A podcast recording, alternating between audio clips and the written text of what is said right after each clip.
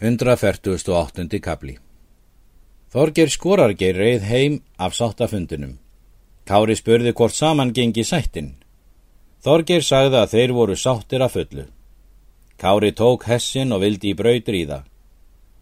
Egi þar þú í braut að ríða, segi Þorger, fyrir því að það var skilið í sættvora að þú skildir hér vera jafnan hver tíma er þú vildir.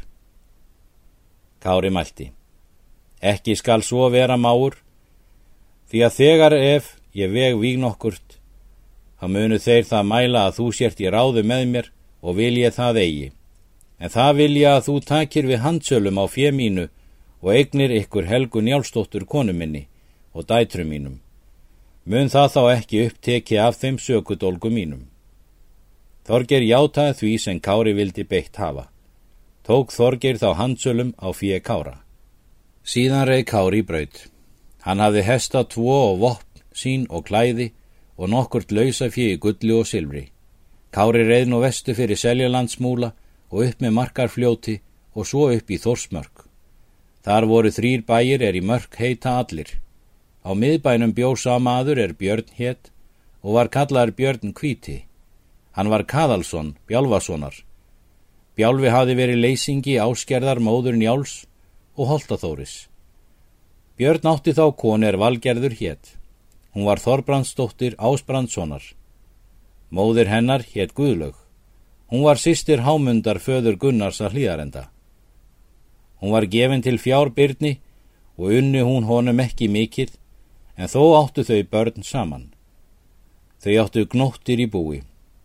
Björn var maður sjálf hælin, en húsfreyju hans þótti það illt. Hann var skign og skjótur á fæti. Þánga kom Kári til gistingar og tóku þau við honum báðum höndum. Var hann þar um nóttina. Um morgunin töluðst þeir við. Kári mælti til Bjarnar. Það vildi ég að þú tækir við mér. Þykist ég hér vel komin með þér. Vildi ég að þú væri í ferðum með mér, er þú ert maður skign og frár, en það ætla ég að þú munir örugur til áræðis. Hvorki frí ég mér, segir Björn, skikleiks nýja áræðis eða nokkurar kartmennsku, en því mynd þú hinga komin að nú mun fókið í öll skjól.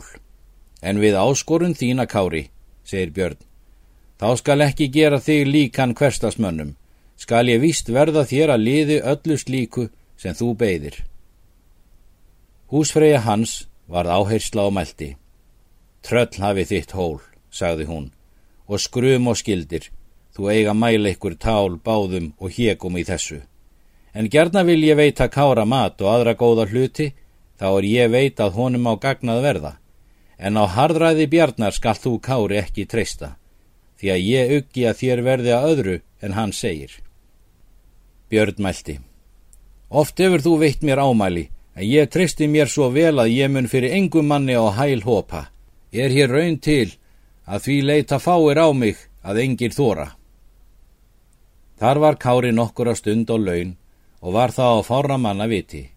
Ætluðu menn nú að hann myndi riði norður um land á fund Guðmundar hins ríka því að Kári létt Björn það segja nábúum sínum að hann hefði fundið Kára á förnum vegi og riði hann þaðan upp á Góðaland og svo norður á Gásasand og svo til Guðmundar hins ríka norður á Möðruvöllu. Spurðist það þá um allar sveitir.